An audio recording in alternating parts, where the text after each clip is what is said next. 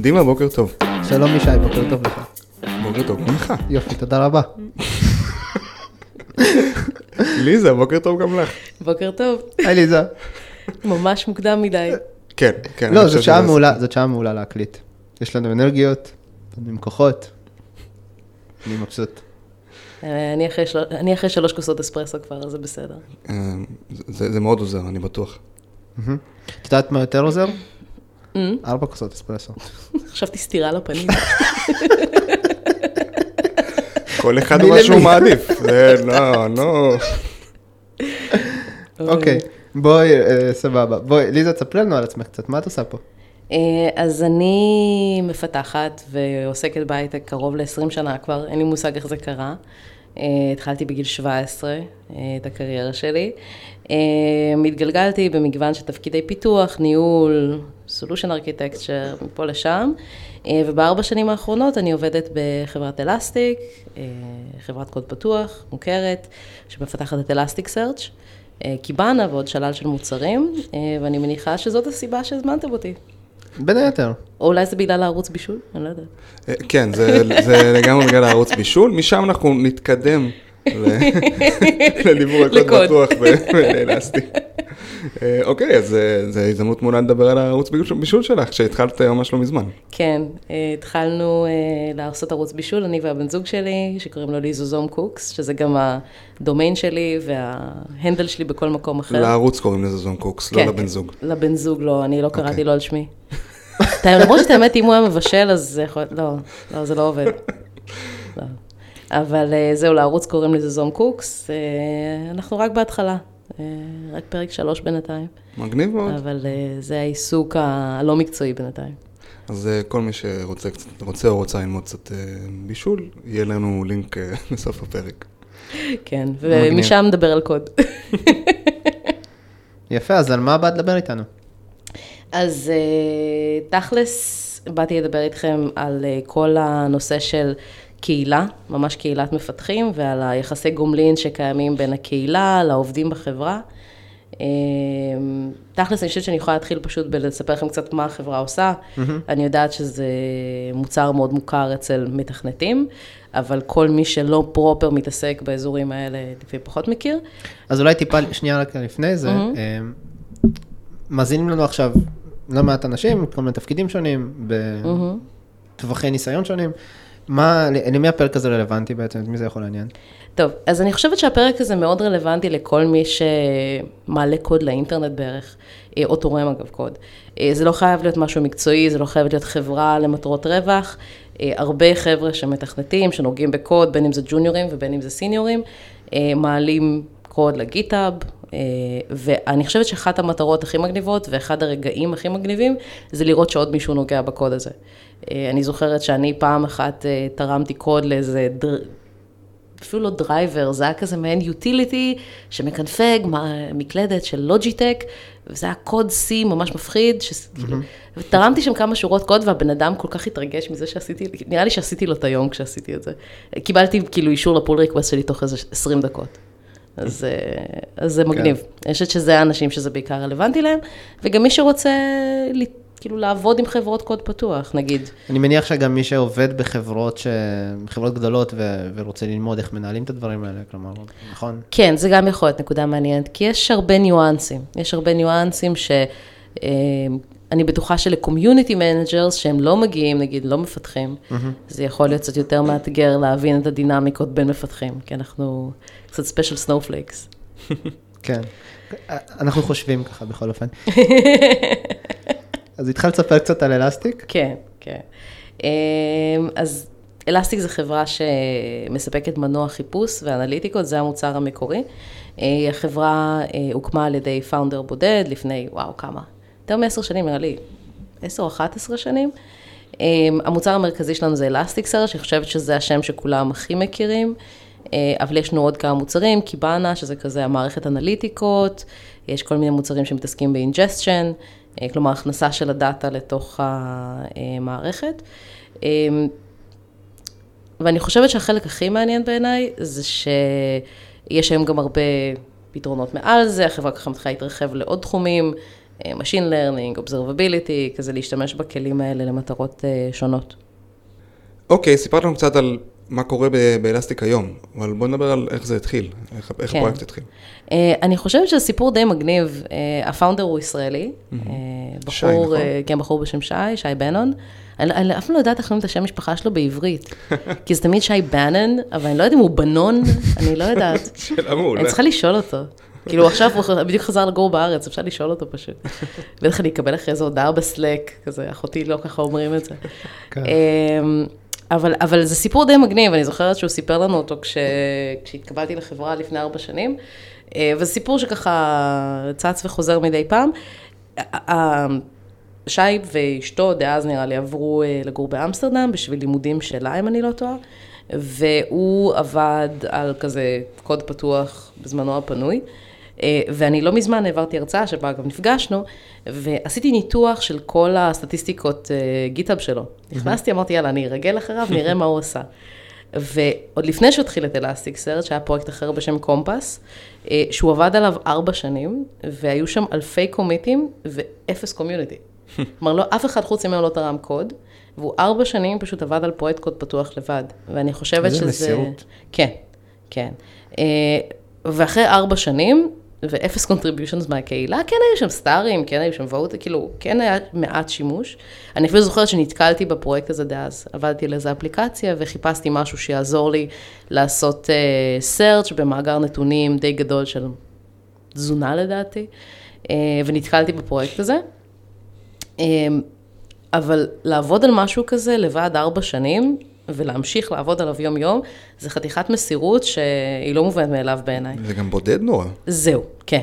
אני כן. חייב רגע להגיד בהקשר הזה, אה, אני, קצת קשה לי כזה להעביר את המחשבה שלי, אבל בוא נגיד ככה, אם צוקרברג יצ... בר... אה, פרש מהלימודים אה, והלך והקים את פייסבוק, לא אומר שכולם צריכים לפרוש מהלימודים. אז אם בן אדם עובד לבד על פרויקט כן. ארבע שנים והקים את Elastic, לא אומר שכולם עכשיו צריכים לעבוד לבד על כן. פרויקט open source ארבע שנים ולדמיין שיהיה בסדר. אבל אני כי חושבת זה לא שזה... סימן טוב, נכון? אני לא בטוחה. אני חושבת שבסוף מה שמבדיל זה האם עושים את זה בשביל הכיף. וזאת התחושה שלי, שבסוף זה פשוט משהו שעניין אותו. אני לא חושבת, אתה יודע, אני מניחה שבשביל זה אתם צריכים לדבר איתו ב- כן. בתוכנית, אבל התחושה שלי שהוא עשה את זה פשוט כי היה לו נחמד. ואז זה לא כזה נורא. כן, אז זאת זה- השאלה זה אם אתם you treat it like a business או שזה תחביב. אם זה תחביב, it's fine. it's כן. fine, זהו. אבל מה שמגניב שאחרי ארבע שנים, אה, היה לו קצת כנראה פיבוט במחשבה, בהבנה של השוק, וזה אחד הערכים המגניבים. כשאתה עובד על open source הרבה זמן, אתה פשוט מתחיל להבין מה השוק צריך. כי אתה רואה מה אנשים אחרים מפתחים, אתה רואה מה מבקשים ממך, והוא פשוט פ- פתח פרויקט חדש, Elasticsearch, ואז, כאילו, אני, כזה בא לי להגיד סיפור שמח, שכזה, ואז מיד הצטרפו אליו מלא אנשים, ואז הוא עבד עליו לבד עוד איזה שנה וחצי. כאילו, אבל שם זה כבר יצר engagement, ושם אתה רואה שבערך תוך שנה וחצי, אה, היה, הצטרפו עשרה אנשים, contributors, מתוכם היו איזה שניים, שלושה אה, מרכזיים שתרמו הרבה. הוא עדיין תרם, אגב, 80-90 אחוז מהקוד בשלב הזה. אבל המצטרפים הראשונים האלה, זה האנשים שאיתם הוא הקים את החברה. מדהים. וזה מגניב ממש, זה מה שהגניב אותי לראות. אה, אתה יודע, כי אני זוכרת את הסיפורים וראיתי את הפוסטרים כזה בפגישות של החברה, אבל בסוף אתה בא ואתה מסתכל בגיטה ואתה רואה בחור אחד שעובד שש שנים על משהו שמגניב אותו, ואז פתאום הוא מוצא עשרה אנשים שזה מגניב גם אותם. ואז פתאום נבנית מזה חברה, שזה אדיר. מגניב לאללה. אני עושה איזה ריקאפ. אה, שי עבד, על, עבד ארבע שנים על קומפס, ואחר כך עבר להקים את, אה, את אלסטיק, אלסטיק סרצ', את, את המנוע. מה ההבדל ביניהם? שניהם עושים כן, חיפוש. כן. אני הבנתי ש, שאחד קשור לסולר, אבל אני לא באמת יודע. כן. אה, יש פה, בוא שנייה נעשה סדר במושגים.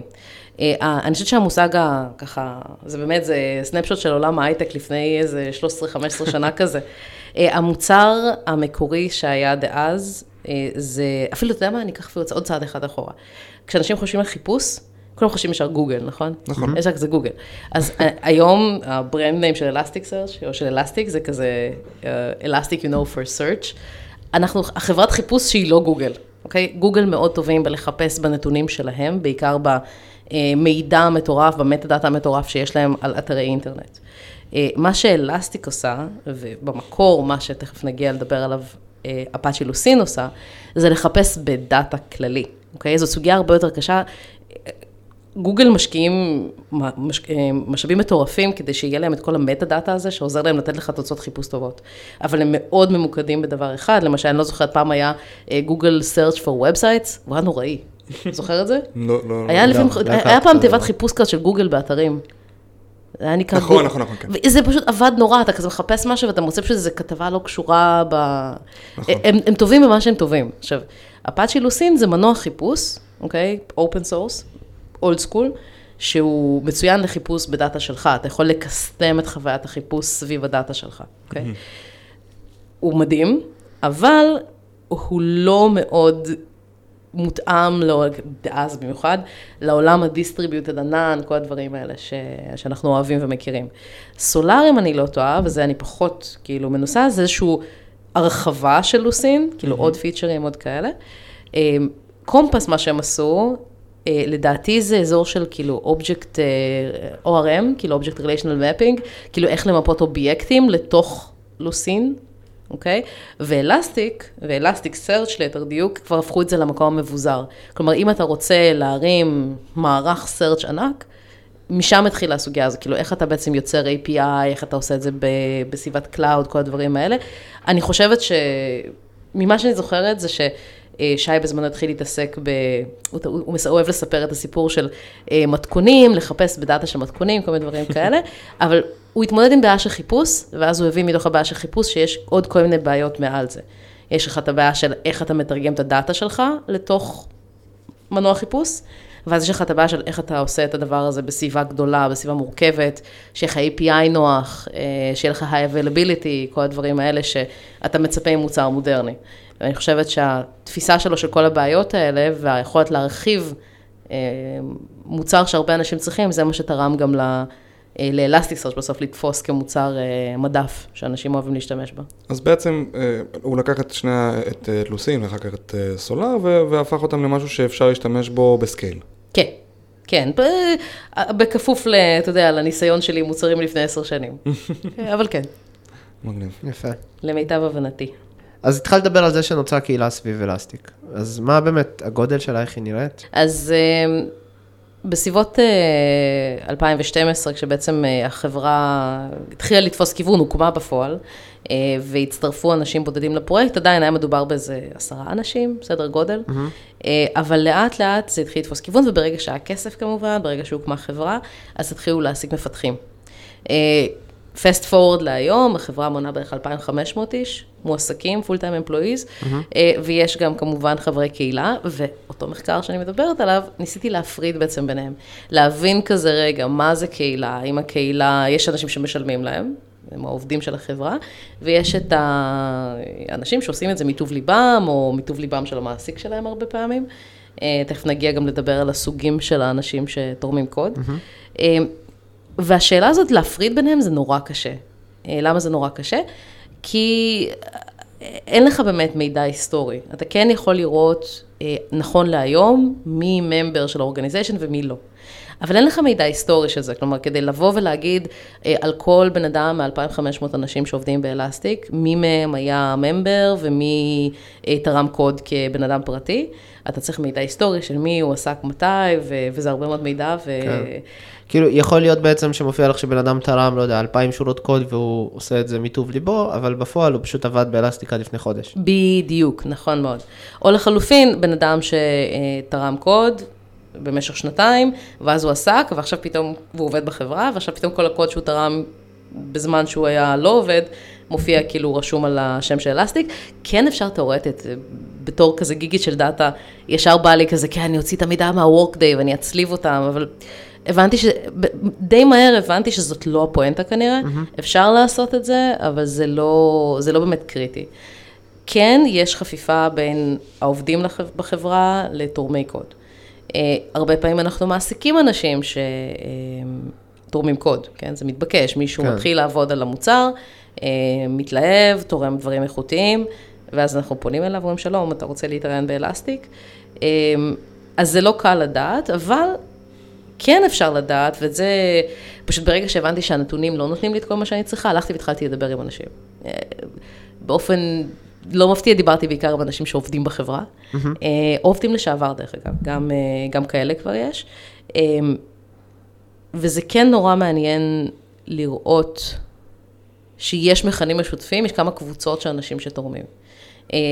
דאז, כזה האנשים שתרמו פעם, כשזה פרויקט צעיר, אז הרבה פעמים האנשים שתורמים זה אנשים שפשוט, הם כזה אוונגליסטים יותר, אנשים שנגיד אה, מחפשים פרויקטים חמים, הם אה, נורא מאמינים בתחום מסוים, כזה, בין אם הם מנסים לפתור את הבעיה הזאת בעצמם, או בין אם הם מנסים לפתור איזושהי בעיה שקשורה לבעיה והם צריכים את המוצר הזה, אז הם מתחילים לתרום פיצ'רים, לעזור וכולי. אה, אבל ככל שהמוצר מתבגר, אני חושבת שהאופי של הקהילה משתנה. אני לא חושבת ש...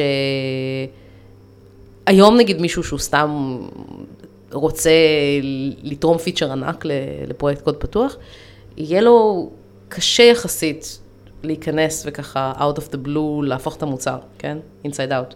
אבל כן, יש היום כמה קבוצות. א', יש את הסטודנטים, שזה הכי חמוד. אה, הם באים והם כזה, הכי גרוע, כאילו, הגרסה הכי גרועה, זה אנשים שמישהו נותן להם תרגיל אה, לתרום לקוד פתוח. וזה קורה כל כמה, כל כמה חודשים. אבל מה עושים בתרגיל כזה, כאילו? ואתם ה... אה, הם נותנים לך כאילו נקודת בונוס ל... זה ממש אומרים לך, תקשיב, אם אתה עכשיו תורם קוד שמתקבל ל open source, אז נותנים לך אה, חמש נקודת בונוס בתרגיל. זה ה commits שבסוף כרגע לא מגיעים לפרויקט, אבל... איזה commits מופיעים שם? אני סתם סקרן. documentation, דברים קטנים? הלוואי documentation, documentation זה טוב. אה, זה יכול להיות דברים ממש מעצבנים, כמו נגיד להחליף... שמות לתקן, משתנים? שמות משתנים, typo, עכשיו אה, להוסיף comment, סתם על איזה פונקציה, דברים מעצבנים. Mm-hmm. יש אנשים שיבואו ויכתבו כאילו באמת, אה, לא יודעת מה, יהפכו JavaScript ל TypeScript, או דברים mm-hmm. קצת יותר, איזה קובץ, אתה יודע.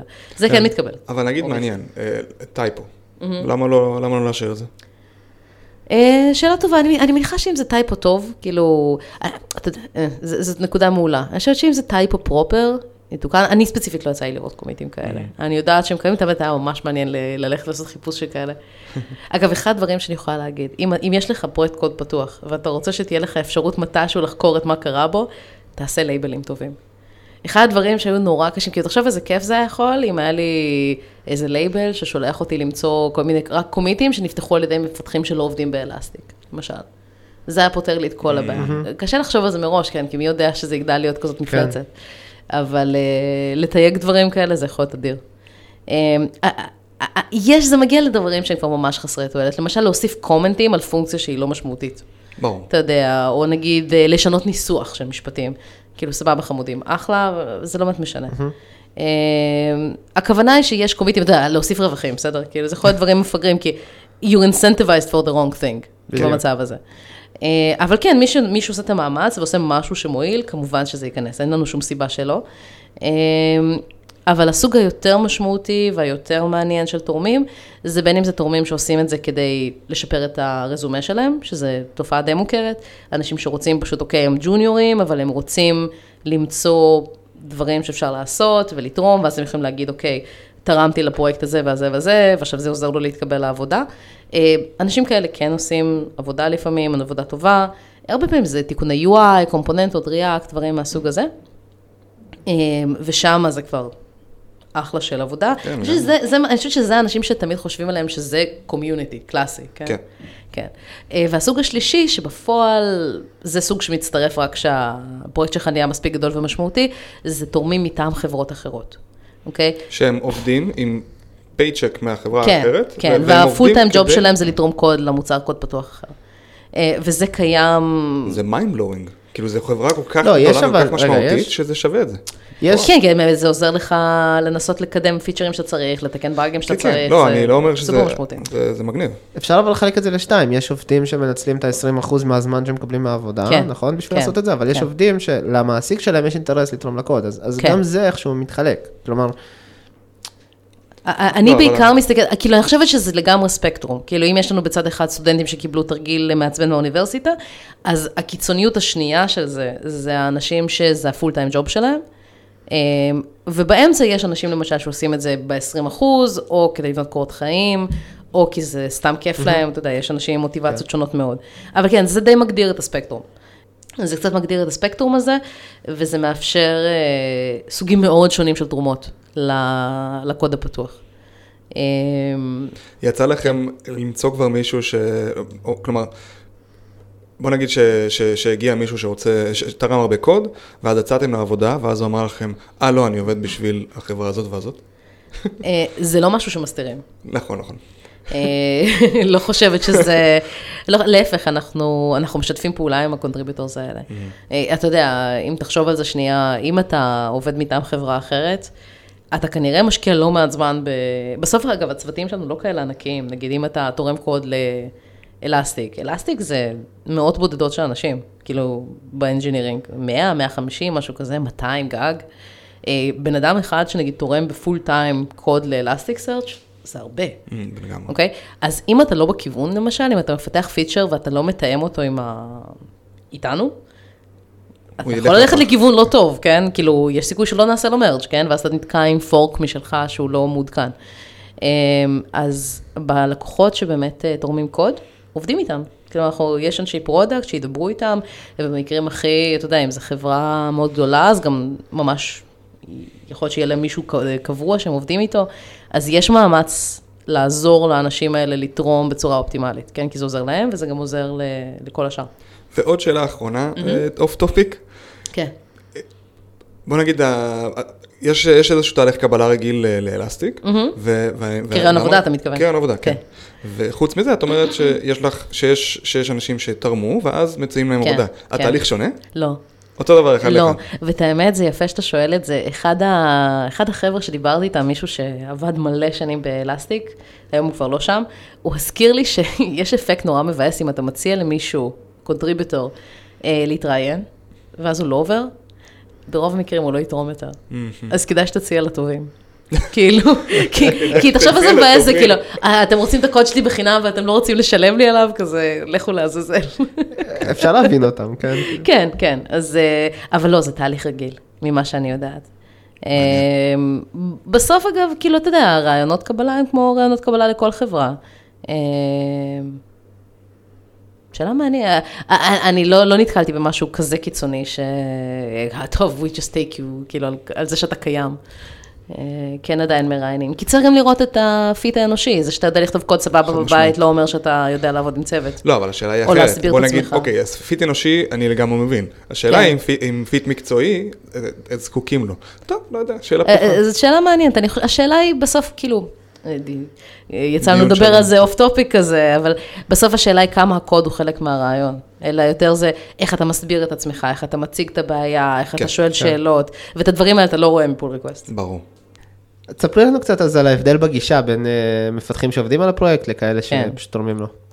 אה, אז אני חושבת שדיברנו על זה בעקיפין, כי בעצם האנשים שהם לא עובדים באלסטיק, שתורמים קוד מככה מבחוץ, אז אה, זה יכול להיות מניעים של, אה, אתה יודע, בין, החל מפרויקט וכלה במשלמים לי על זה, כי הבוס שלי רוצה אה, שה feature הזה יקודם בפרויקט קוד פתוח. שאני תורם לו, לא חייב להיות Elasticsearch כמובן.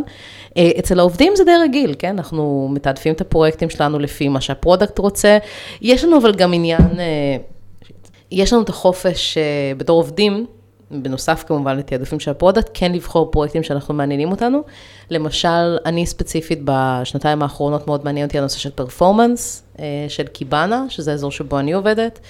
אה, ודי, I, I kind of picked it up בשביל עצמי. אה, מתוך עניין, אה, ובגלל שזה נתן תוצאות טובות, וזה נושא שכן מעניין, פשוט אפשרו לי להמשיך לעבוד על זה to pick it up, והיום זה כבר שני אנשים שעובדים על זה, אז אה, כן יש את החופש, אבל בסוף זה הרבה יותר מיינסטרים. אה, יש product, יש מנהל, אתה מדבר איתם, אומר מה שמעניין אותך לעשות, וממשיך משם. Elastic אה, היא חברה שיש לה open source מאוד מאוד גדול ומוצלח, אבל חוץ מזה היא- חברה מסחרית. אה, את יכולה לספר לנו קצת על מקרים שבהם היה צריך לקבל החלטה מה לתעדף, משהו, פיצ'ר מסחרי או open source, כלומר, כן. paid offering או open source? כן. אה, תראה, קודם כל, צריך אה, להדגיש של Elastic יש אה, כמובן open source, אבל יש גם מוצרים שהם לא open source. יש לנו למשל כל ה offering של ה cloud שלנו, אני לא חושבת שהזכרתי את זה בהתחלה, בנוסף לכל ה suite הזה של המוצרים שאפשר להתקין on-prem, או אתה יכול להתקין את זה נגיד בענן של AWS, Google, whatever, יש גם fully hosted service, אוקיי? Okay? יש את ה cloud שלנו, שאתה יכול פשוט להיכנס ולפתוח לעצמך instance, ואתה לא צריך להתעסק בעצם בכל הדברים האלה, והקוד הזה הוא לא open source. זה בעצם פשוט... זה מוצר נפרד. Elastic as a service? כן, זה בדיוק מה שזה, כן. Mm-hmm. והמוצרים האלה הם כמובן לא קוד פתוח, אז שם הנושא הזה בכלל לא קיים. אז השאלה הזאת היא רלוונטית לגבי ה-open source code, אוקיי? Mm-hmm. Okay? וגם אגב, ב-open source code יש tier, כן? יש טיר שהוא לא חינמי ויש טיר שהוא כן חינמי, והלייסנסים שם קצת שונים. אז אני, יש, יש מקומות באלסטיק שהם, ש, שהם open sourceים, mm-hmm. and yet אני צריך לשלם עליהם? או במילים רגע. אחרות, אני יכול לתרום קוד שיעזור לכם באופן ישיר להרוויח כסף, ואני לא אוכל להשתמש בקוד שכתבתי.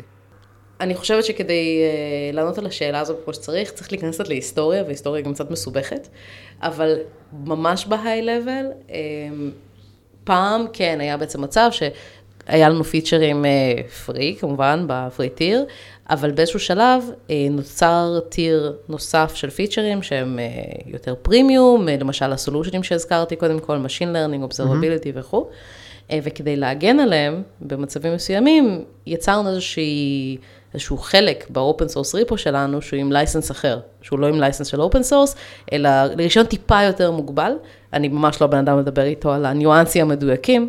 אבל עם הזמן אה, הבנו שהמגמה הזאת, אה, וזה דווקא מאוד מעניין בקטע של העבודה על הקוד, היא פוגעת בנו. אה, היה לנו מאוד לא נוח לעבוד על הקוד הזה, הפיצול הזה היה די מלאכותי, ועם הזמן הלכנו לכיוון של גם מה שרדיס עשו ומונגו עשו, של לעבור ללייסנס טיפה שונה, ללייסנס של ה-SSPL, mm-hmm. ומאז בפועל כל הקוד בריפו הוא באותו רישיון.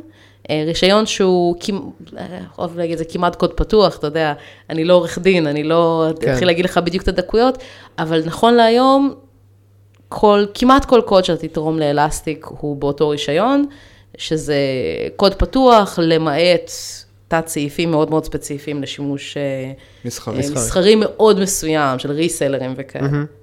זהו. אז אה, כן, הייתה איזושהי נקודת זמן שבה זה היה קצת מוזר, שהיית צריך לשים לב לאיזה חלק בריפו אתה תורם, אבל היום זה כבר לא שם. אוקיי, אז בוא נחזור רגע לתעדוף. paid offering או, mm, או, כן. או open source לגמרי. כן. אה, אז תראה, התשובה היא קצת מורכבת, אבל כמו כל דבר בחברה כל כך גדולה, oh. אבל אני חושבת שהדיפולט, ואני יכולה לומר את זה די בביטחון, שה default הוא זה open source, אוקיי? Okay? בסופו של דבר, במיוחד אם זה פיצ'ר שמגיע עכשיו מקהילה, ה default, למעט מקרים מאוד מאוד ספציפיים, יהיה, זה נכנס ל open source. גם אנחנו, כשאנחנו מפתחים פיצ'רים, overall, ה default הוא open source, אוקיי? אם אנחנו מפתחים ויזואליזציה חדשה, אם אנחנו מפתחים איזשהו פיצ'ר חדש ב Elasticsearch, ה default שזה ייכנס ל open source, כי זה ה majority שלנו, כן? ו-paid features כמובן זה לא ה-main אה, revenue שלנו. אמ, יש כל השירותי ענן, יש, אתה יודע, mm-hmm. יש הרבה מגמות היום של consumption-based billing וכאלה, mm-hmm. אז storage, אתה יודע. המגמה בסופו של דבר, ה default שלנו זה להכניס פיצ'רים כ open source. אז אנחנו, כדי להגיע למצב שפיצ'ר נכנס לא כ open source, זה כנראה יעבור דרך מישהו ב product, זה יעבור איזשהו תעדוף. די, די, כאילו זה לא משהו שאני נגיד חושבת עליו ביום יום.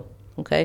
זה כן סוגיה שעולה מדי פעם לדיון באיזשהן ישיבות, אבל אלא אם כן יש לנו סיבה טובה, אנחנו נשארים ב open source. אמ, אני יכולה לתת לך כן דוגמה אנקדוטה אישית שקרתה לי, אני לא מזמן עשיתי איזשהו plugin, אמ, שרציתי להכניס לתוך המוצר, אה, לעשות white labeling ל Kibana, אה, שזה משהו שדי הרבה אנשים מבקשים אה, ב GitHub. ווואלה, אמרו שמתכננים את זה מתישהו כ-paid feature, ב cloud. אבל עדיין פשוט הוצאתי את זה ב open source בעצמי, אה, לא כחלק מהמוצר, לא יכולתי להכניס את זה ל repo שלנו, אבל זה עדיין זמין למפתחים כ plugin. אז אין שום בעיה עם זה, אנחנו גם מעודדים אותנו אה, לתרום לפרויקטים אחרים ב open source. אה, אין עם זה שום בעיה, אתה יודע, אנחנו, אם אנחנו בתוך הקהילה של ה open source, כל הקטע זה לתרום אה, לפרויקטים אחרים. ודרך אגב, אנחנו בצורה ממוסדת אה, תורמים ל... בערך כל דבר שאנחנו משתמשים בו, החל אם זה Lucene עצמו, או React, או כאילו כל תשתית אחרת שאנחנו עובדים עליה, נוד, בוא נדבר קצת על תקשורת בתוך הארגון. אתם אה, פרויקט קוד פתוח גדול, חלק מהעובדים, אני מניח, יושבים במשרדים, חלק יושבים רחוק, או שאתם רק כולכם fully remote. כולנו fully remote. איזה כיף. אז- ככה, אז- ככה גם הגעתי לחברה אז בזה. השאלה שלי עוד יותר מעניינת, איך כן. אתם אה, מתנהלים בתוך הארגון? כן, זה אה, ארגון זה גדול, קשה. זה לא ארגון קטן. זה ארגון גדול. אין לך משרדים אה, בכלל. אה, יש משרדים, אבל אין חובה להגיע למשרדים. כן, אבל יש איזה אה, מקום. אותי, לי באופן אישי, מה שמאוד מרתיע בחברות שעובדות רימוט, זה שאין שום קשר אנושי וזה יכול להיות מאוד מתסכל כן. ומייגע לשבת בבית כל הזמן. אמ, אני חושבת שאני עובדת שם כבר ארבע שנים, ואני עובדת ברימוט בעצם מלפני הקורונה. אני חושבת שהקורונה מאוד חשפה את הלייפסטייל המאוד נישתי הזה לכל האנשים. אמ, א', לעבודה מרחוק, כאילו פולי רימוט, יש יתרונות וחסרונות. אתה פשוט, אתה צריך למצוא משהו אחר בחיים שלך, שעונה לך על הצורך הזה של חברים מהעבודה. אני עושה גרשיים בידיים כאילו, כן. כי אם תחשוב על זה, כמה פעמים עבדת בחברה, ואז עזבת את החברה, ונשארת בח... ב... באמת חבר של אנשים שעבדתי איתם. פעם אחת. יפה. לא, פעמיים, לא נכון, אוקיי, פעמיים. פעמיים, אוקיי? אבל זה לא שה-100, 200, 300, 500 אנשים שאתה עובד איתם, הם חברים שלך. הם כזה, הם backdrop. זה, זה קצת לא נעים להגיד, אבל הם קצת backdrop בסוף, כי אתה עוזב אתה כאילו, אתם לא נשארים בקשר. עכשיו, מה, אני ואישה, תראה איזה יפה, אנחנו עושים נכון? פודקאסט וזה. זה נכון. אבל זה גם לי, הח- החברה הכי טובה שלי הכרנו בעבודה הקודמת, כן? אבל העניין הוא שאפשר להחליף את זה במשהו אחר. למשל WeWork, למשל עבודה בבתי קפה. זה שאתה עובד ברמוט לא אומר שאתה עובד מהבית. אוקיי? אני חושבת שהקורונה, בגלל שכולם היו תקועים בבית, יצרה קשר ישיר בין לעבוד רמוט ללעבוד מהבית, וזה פשוט לא נכון. אה, אני בשנה שעברה, אחרי, כבר בסוף של הקורונה, נסעתי לטייל חצי שנה, ועבדתי תוך כדי. פגשתי יותר אנשים ויצרתי יותר קשרים וחברויות מאשר אה, בכל משרד שהייתי בו כנראה. החברה מממנת את המשרדים, סלש בתי קפה, סלש דברים כאלה? זה- אז זה תראה, קורה הדברים האלה? אה, זה, זה, זה נושא מרתק שלדעתי אפשר לעשות עליו פרק שלם נפרד. אה, לפני הקורונה, אה, במדין, החברה עובדת בצורה, אה, אוקיי רגע, אז אלסטיק עובדת פולי רמוט, יש, יש מדינות שיש בהן משרדים ומתמיד. קטנים, מאז ומתמיד, מ-day one, כי בעצם כששי הקים את זה, האנשים הראשונים שהצטרפו אליו לפרויקט היו, גרו בכל העולם. אז כשזה הקימו חברה, לא היה headquarters. כן. אני, אני ממש אוהבת ששאלו את, שי- שואלים את שי תמיד איך להפוך חברה לרמוט, הוא אומר, אני לא יודע. מעולם לא הפכתי חברה לרמוט, היא פשוט הייתה כזאת מ-day one. תתחילו ברמות. זה תתחילו, לא, שאני- כאילו, גם ליתרונות וחסרונות, אבל זה לא, שהוא, זה לא שכאילו לא היינו רמוט ואז נהיינו רמוט. כן. זה תמיד היה רמוט. עכשיו, אם במדינה אין משרדים, אז יש תקציב, למשל, לשכור משרד. אני כשהגעתי, כשהתחלתי לעבוד בארץ, עוד לא היה פה שום דבר, אה, שום תשתית, אז א', נתנו לי תקציב ל- לעשות משרד בבית, וב', היה לי תקציב ל-WeWork, או לכל משרד אחר שרציתי, וזה בפועל, עד הקורונה, ענה בצורה מושלמת על כל הצרכים החברתיים שלי, הייתי הולכת למשרד, שה... 20 דקות מהבית שלי, בימים שרציתי הלכתי, בימים שלא רציתי לא הלכתי, יש שם אנשים נחמדים, הכרתי שם אנשים שעד היום אני בקשר איתם, סיים סיים, אתה יודע, מה זה משנה אם הבן אדם, ש... כאילו, שאני מדברת איתו עובד איתי, על- כאילו, על פרויקט אחר במש... בחברה, או על פרויקט אחר בחברה אחרת. same כן. shit. אמ, ברגע שיש כבר משרד, אז אין תקציב לזה, כי יש משרד, אז אתה יכול לבוא למשרד. אה, אבל פייר, אני היום משקיעה נגיד 1,200 שקל ב membership, באיזה... WeWork כזה או אחר, לא, במשהו יותר אה, אקסקלוסיבי. משהו יותר- תל אביב. בסור House, אם אתה מכיר. מגניב. אה, ממש שווה. ממליצה בחום למי, ש... למי שיכול. יפה. אבל אה, כן, זה, זה, אם אתה יושב בבית, אה, חמישה ימים בשבוע, עשר שעות ביום, לא טוב לנפש, כי זה כולנו חווינו בקורונה. כן. אבל אם אתה משלב את זה עם לצאת מהבית, לפגוש חברים, היה לי, אה, אפילו בקורונה היה לי ידיד, שהוא גם מתכנת, שהיינו לפעמים עובדים ביחד. כן. יושבים בבית ביחד, כאילו כל אחד על השיט שלו. אה, אז כן, פשוט אתה הופך להיות אחראי ל- ליצור לעצמך סביבה חברתית טובה. אוקיי, ואם אנחנו מסתכלים בהיבט הארגוני. כן, אה, כן. אז מכיוון שהתקשורת שלנו היא לא תקשורת של מסדרון, וזה חסר, שלאף אחד לא יהיה ספק שזה לא חסר. כן. אמ, לפני הקורונה גם היו נפגשים, אה, פעמיים בשנה לפחות, כולם. אה, כולם באותו site. כולם, מאוד מאוד מלחיץ. אה, ו intense ומאוד מועיל. כאילו בסוף האנשים שעבדתי איתם הכי טוב זה כן אנשים שפגשתי אותם איזה פעם, פעמיים. ועשיתי איתם בירה. כן, זה קריטי. אה, חד משמעית, חד משמעית. אבל נגיד בשנתיים האחרונות, עכשיו אנחנו חוזרים לזה, אבל בשנתיים האחרונות לא היה את זה. אה, אז יש הרבה מאוד אה, כלים שאנחנו משתמשים בהם כדי אה, לעשות את זה, ודווקא לא כלים טכניים, מבחינת כלים טכניים, סלק. זהו, כאילו, הכי פשוט, אנחנו בסלק. אה, אבל מאוד חשוב אה, שיהיה גם, אה, למשל, אה, אה, דיון, א', אוקיי, סלק, קודם כל, ואז לעבור לשיחות בזום. אנחנו משתדלים לא להשאיר שיחות ארוכות, threadים אינסופיים של חפירות בכתב. אה, אני אישית תמיד מעדיפה to jump on a zoom call, יש לנו קיצור בסלק, שזה כזה סלאש זום, וזה כן, ישר זה מקפיץ את אדיר זה, הזה. זה נהדר, אה, ושם יש הרבה, זה זה המקום שבו באמת סוגרים דברים. אתה יודע, כל הדברים שאנחנו גם שומעים עליהם מחברות אחרות, to keep uh, meeting small, uh, לא להכניס 30 אנשים בשיחה כשאתה רוצה לסגור משהו. Um, יש גם את הנושא של תקשורת מול הקהילה עצמה, כן? כי זה אני מדברת בתוך החברה. אבל כלפי חוץ זה טיפה יותר חשוב, כאילו אם אנחנו כזה חוזרים שנייה לסקופ של, אנחנו מדברים על עבודה עם תורמים חיצוניים.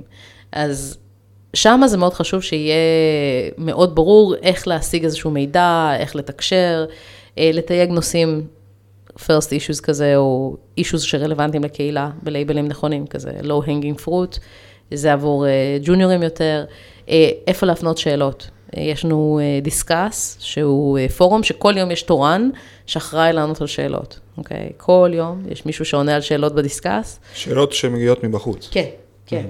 אה, כל מי שרוצה לשאול שאלה, בין אם זה כזה תמיכה, בין אם זה איך לפתח, אה, אפשר לשאול שאלות ב discuss הזה, יש שם תמיד מישהו שעונה. אה, אנחנו מקבלים גם נוטיפיקיישנים, כל פעם שמישהו שואל אה, אה, שאלה, תוהה אם עדיין עשו את זה ב GitHub, באיזה נקודת זמן שגם ניסינו לעשות את זה, לא ב GitHub, ב Stack Overflow, הייתה איזה נקודת זמן שגם ב Stack מעניין. Overflow, אני אישית אוהבת לענות שם לשאלות. אה, ו- וכשיש נגיד איזושהי, אה, איזשהו PR שמגיע מהקהילה, אנחנו מקבלים נוטיפיקציות. קיצר, הרבה אינטגרציות, הרבה אינטגרציות שאנשים הרלוונטיים ידעו את מה שצריך לדעת, שהזמן תגובה יהיה קצר, אה, כי זה מאוד מבאס לפתוח PR ואז לא לקבל עליו תשובה. כן. אמ, זהו, וגם אה, תשתיות, כזה אוטומציות, טסטים, גיידלנס של איך לכתוב קוד. אני חושבת שזה נורא חשוב בכל פרויקט קוד פתוח. אה, אני זוכרת שמישהו שאל אותי בכנס שדיברתי בו, אה, כאילו, איך לתעדף את זה, כי בפרויקט קטן אין לך... אין לך הרבה פעמים ריסורסים כדי לבנות עכשיו תשתית אוטומציה, טסטים, זה, ו- והוא שאל אותי כזה, אוקיי, אז מה לתעדף? אמרתי לו, אין, אין נוסחה, אבל בסוף תסתכל איפה יש צרכים, כי אתה מפתח דברים בשביל עצמך, נגיד טסטים זה תמיד טוב, אפילו ברמה הבסיסית. תנסה לזהות איפה האזורים הכי קשים שלך. אתה מקבל הרבה PRים עם coding uh, standards לא טובים, תוסיף lint rules בסיסיים של כזה, את השלושה דברים, את הסוגריים, שים אותם באותה שורה, או לא, בש, לא באותה שורה, מה שאתה מעדיף. Uh, אתה יודע, לפתור בעיות, אבל כשאתה פותר את הבעיות, לחשוב על איך לפתור אותם לעתיד. אני חושבת שזה די practice טוב לכל מתכנת, בלי קשר ל open source, אבל ב open source זה פשוט נהיה עוד יותר חשוב. זה תמיד שאלה, האמת, אם, אה, אם כאילו practice טוב אה, זה לחשוב, לחשוב אה, מספיק, אה, אה, לחשוב, לפעמים חושבים יותר מדי זמן קדימה, שזה גם כן עניין. בדיוק, אז אני אומרת, שתמיד צריך, אני חושבת שזה האומנות במקצוע שלנו, האומנות, כאילו הקראפט. כן. אתה צריך לחשוב קדימה, אבל לא יותר מדי קדימה. אה, כאילו להתקבל, כאילו לעשות דברים שהם לא חוזרים על עצמם, אבל לא יותר מדי. אה, זה, ה, כן. זה הניואנסים, זה החלק הכי מעניין. לגמרי. אבל כן, זה הופך להיות אוטומטית הרבה יותר חשוב, אם אתה מכניס אנשים מבחוץ לתוך הפרויקט קוד שלך.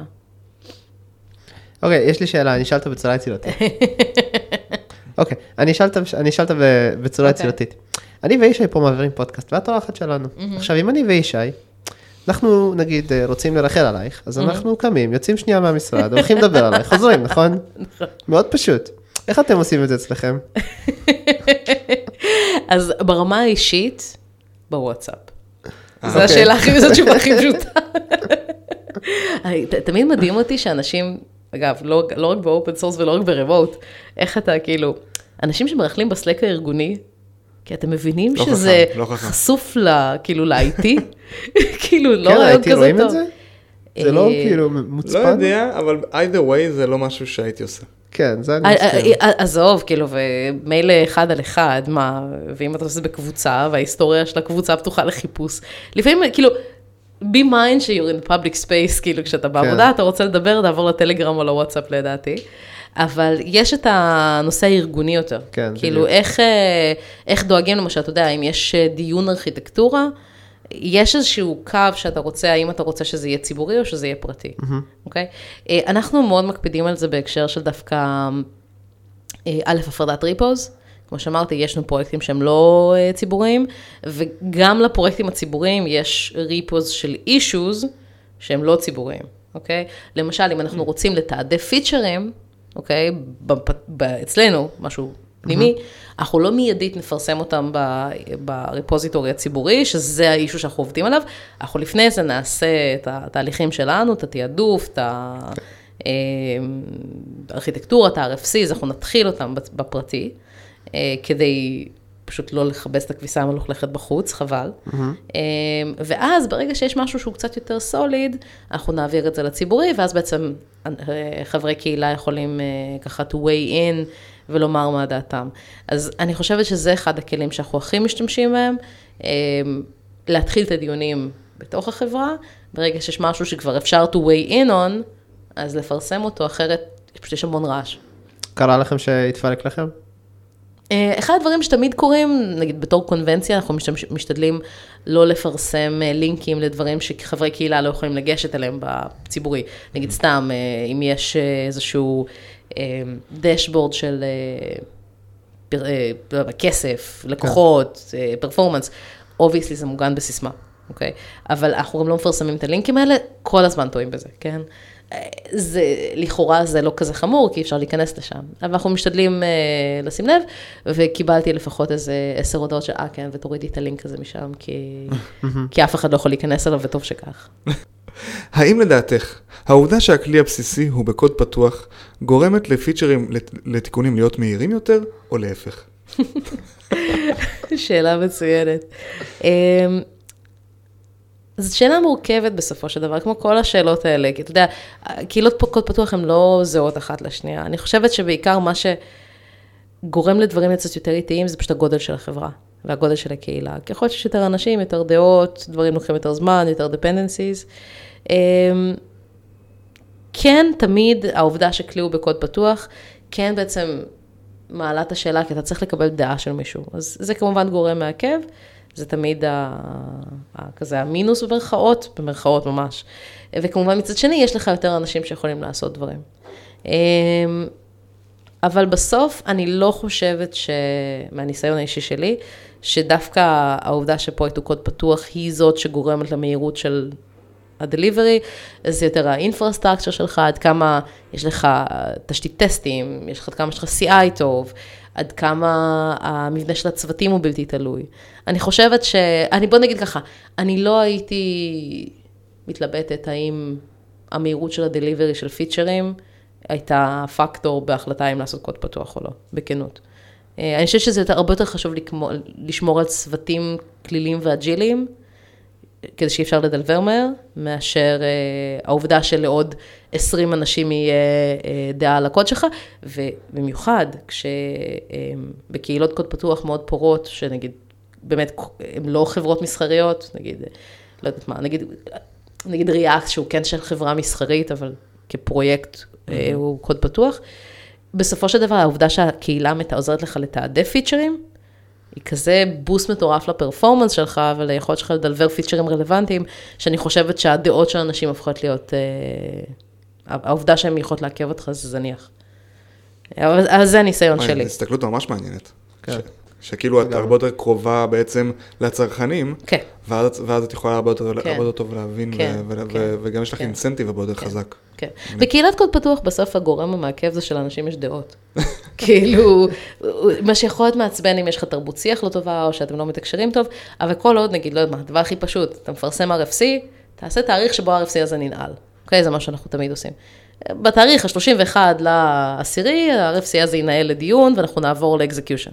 way in until then. RFC זה? אה, RFC זה... אתה יכול להסביר בעברית, כאילו. RFC זה, רגע, רגע, רגע, רגע, RFC, ב- בעברית זה רכב. request, request for comments. אה, אוקיי. יפה. request for comments, לא ידעתי את זה. אה, אני הייתי מתייחסת ככאילו הזמנה לתת פידבק, שזה בדיוק כן, מה שזה. אה, כן, כן. יאללה. כלי open source? ונעבור לפינת. כלי open source מומלץ עם ליזה כץ. טוב, יצא או, חלוץ. nice. כלי open source מומלץ עם ליזה כץ. אה, כן, אז אני די מינימליסטית ב setup שלי, עובדת על אובונטו. אפשר להגיד שזה הכלי open source האהוב עליי. אבל לא, אה, אני עובדת על VS Code כבר מלא מה, שנים. אתם לא מפתחים על מק? אני מסרבת לשתף פעולה עם. זה. אם אתה רוצה, זה פרק נפרד. אה. על התיעוב שלי לאפל, אפשר לעשות את זה פרק שלם. אוקיי, לא, גם אני אני מת- גם אני מתעבת. אפל, אבל עד מק. אז אני, אז כאילו, יפה, אז אני. אז אני סובלת בשקט. הבנתי. אני, כאילו, אתה מכיר עלות שקועה, את המושג? כן. אז אני בשלב העלות השקועה עם לינוקס. למדתי לעשות כבר כל כך הרבה דברים, שאני לא מוכנה לעשות. לבן זוג שלי יש מק, אני המלצתי לו לקנות מק. אה, הוא אחלה מחשב. I still hate it. אני כאילו, אה, אה, נגיד, כש- כשגיליתי את ה AirPlay, פשוט קיללתי, כאילו, ברוב הצווים, כי זה עובד כל כך טוב, אבל זה כל כך מעצבן אותי. זה כל כך גרוע, זה טוב, זה גרוע. אבל כאילו, אבל אי אפשר לעשות control shift ימינה. או אין מידל קליק, כאילו, בטאצ'פד. ואין, ואין איך לפתור, איך, אין איך לתרום לקוד הזה. כן, אבל זה עדיין לא, כאילו, משהו, אני, אה, אני חושבת שכאילו אני צריכה לתרום את עצמי לאיזה מחקר מדעי של רגשות למותגים. יש לי, יש לי רגשות כל כך קשים כלפי אפל, שזה זה כבר לא סבבה בשלב אוקיי, הזה. סבבה. בוא לא נדבר על זה. לא לא לא מדברים על זה, לא, כלום. אבל כן, אני כל כך לא אוהבת את גישת הגן הסגור שלהם, זה הדרך המנומסת להגיד את זה. כן. גם אני לא, עד. אמ, אבל. אוקיי. קיצר, אז אה, אז נמצא? הכלי- שאני הכי אוהבת, אני משתמשת ב-VS Code. אה, היום לדעתי זה די העורך אה, הכי כיפי והכי קליל שיש. אה, ולאחרונה מצאתי איזשהו פלאגין סופר שימושי, אני פשוט עובדת במקביל לזה ארבעה פרויקטים. בחברה אז יש, סליחה, אז מצאתי איזשהו פלאגין ממש נחמד אה, שנקרא Peacock, שצובע לי כל פרויקט בצבע אחר, וזה עוזר לי לעבור טאבים בצורה סופר אה, פשוטה, כי מלא פעמים אני כזה נכנסת לסביבה הלא נכונה ומתחילה לחפש שם אה, את הקובץ הלא נכון. אה, peacock טווס ויש לו צבעים. ואז טאבים, צבעים. yes, yes. yes, ואתה עושה את זה בצבעי הקשת, ואז אתה גם מרגיש גאה בעצמך. אה. יפה. זהו, אז זה- זה די הכלי החביב עליי. אמ, אתה יודע, פשוט ולעניין, תכלס, אמ, לא... אה, מעניין אותי איזה כלים אחרים, כאילו, מה מה ה best... השתמ- אה, אה, מה, את יכולה להסתכל על כל הפרקים מישהו מישהו האחרים? תרם משהו, ש- מישהו הציע משהו שאתם משתמשים בו היום? איזשהו כלי open source שאתם מה זאת משתמשים בו? אומרת, את- כמו VS Code, כמו כאלה? לא, לא, אבל כלי שמישהו גילה לכם, שלא הכרתם. אה, גילה בטח. מה, מגלים לנו כל הזמן כלים, באמת? אבל זה בדרך כלל דברים, אה, כמעט כל כל- כל האורחים שלנו ממליצים על דברים שהם משתמשים בהם ביום בעבודה, או בדברים, את יודעת, כמוך כזה, וזה הרבה פעמים כאילו, כלי ל... את יודעת, monitoring של Kubernetes, או דברים שהם כזה מאוד focused לבעיה מסוימת, אז... או דוקומנטציה נגיד. אה, אתה סתם כאלה. זוכר את האחד האחרון. אני זוכר את האחד האחרון זה. הכי טרי, אבל היה נגיד גם דוקומנטציה, כן. והיה כל מיני... אה, אני אפילו, ש- שאני כאילו באתי בתור אורח לפרק, אז אני המלצתי על משחק. את כאילו, פייר, הכלי הכי, ה open source הכי טוב שאי פעם נוצר זה VLC. VLC, וואי, הווידאו player, פייר. משהו, לא זה. פייר, לא זה יודע אם כלי הוא הכי טוב, מדהים. אבל הוא מעולה. ה-VLC עד היום, נכון. לא מצאתי, כאילו, העבודה שלהם כתוביות, כאילו, פייר, אם היה להם buy me a cup of coffee, הייתי, I would buy them like 10 cups of coffee. השתמשתי בכלי הזה כל כך הרבה במהלך השנים, שכאילו, they deserve my money בשלב הזה. קיבלת עוד כלי open source מומלץ? זהו, ממש, הנה. תתקינו VLC. יפה. אז ליזה כץ, תודה רבה שבאת. היה ממש כיף איתך. היה נהדר, תודה רבה. תודה רבה לכם שהזמנתם. תודה דימה. תודה רבה לישי. מי שרוצה, תעשו לייק בדף הפייסבוק שלנו. אבל אל תשמע כזה עצוב כשאתה מבקש את זה. קוד פתוח, הפודקאסט. תעשו לייק. חבר'ה, הוא שם. יאללה. ביי.